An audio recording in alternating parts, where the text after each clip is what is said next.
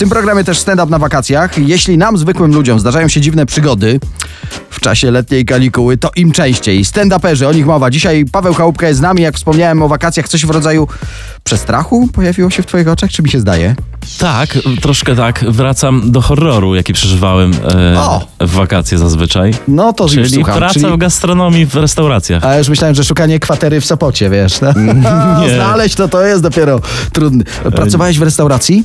Tak, pracowałem bardzo długo w restauracjach i w zasadzie co wakacje jeździłem e, do pracy. No to na i czym polega ten horror? Siedzisz w 60 stopniach, kiedy na zewnątrz jest 30, więc Okej. e, każde wyjście na zewnątrz jest takie, o, jak to fajnie, jakby ktoś klimę włączył, wiesz. Mój rekord to y, praca w- w Międzyzdrojach na 12 metrach kwadratowych bez okapu, z czterema y, palnikami i innymi urządzeniami grzejącymi, więc... y, no nie polecam generalnie. Ale dobrze sobie wiesz, to jest fajna umiejętność, nie? Gotowanie, bo teraz czasami siedzę w domu, zrobię sobie jedzonko, mam takie, Boże, jakie ja mam szczęście, że ja tak potrafię. I mam okap. Tak jest.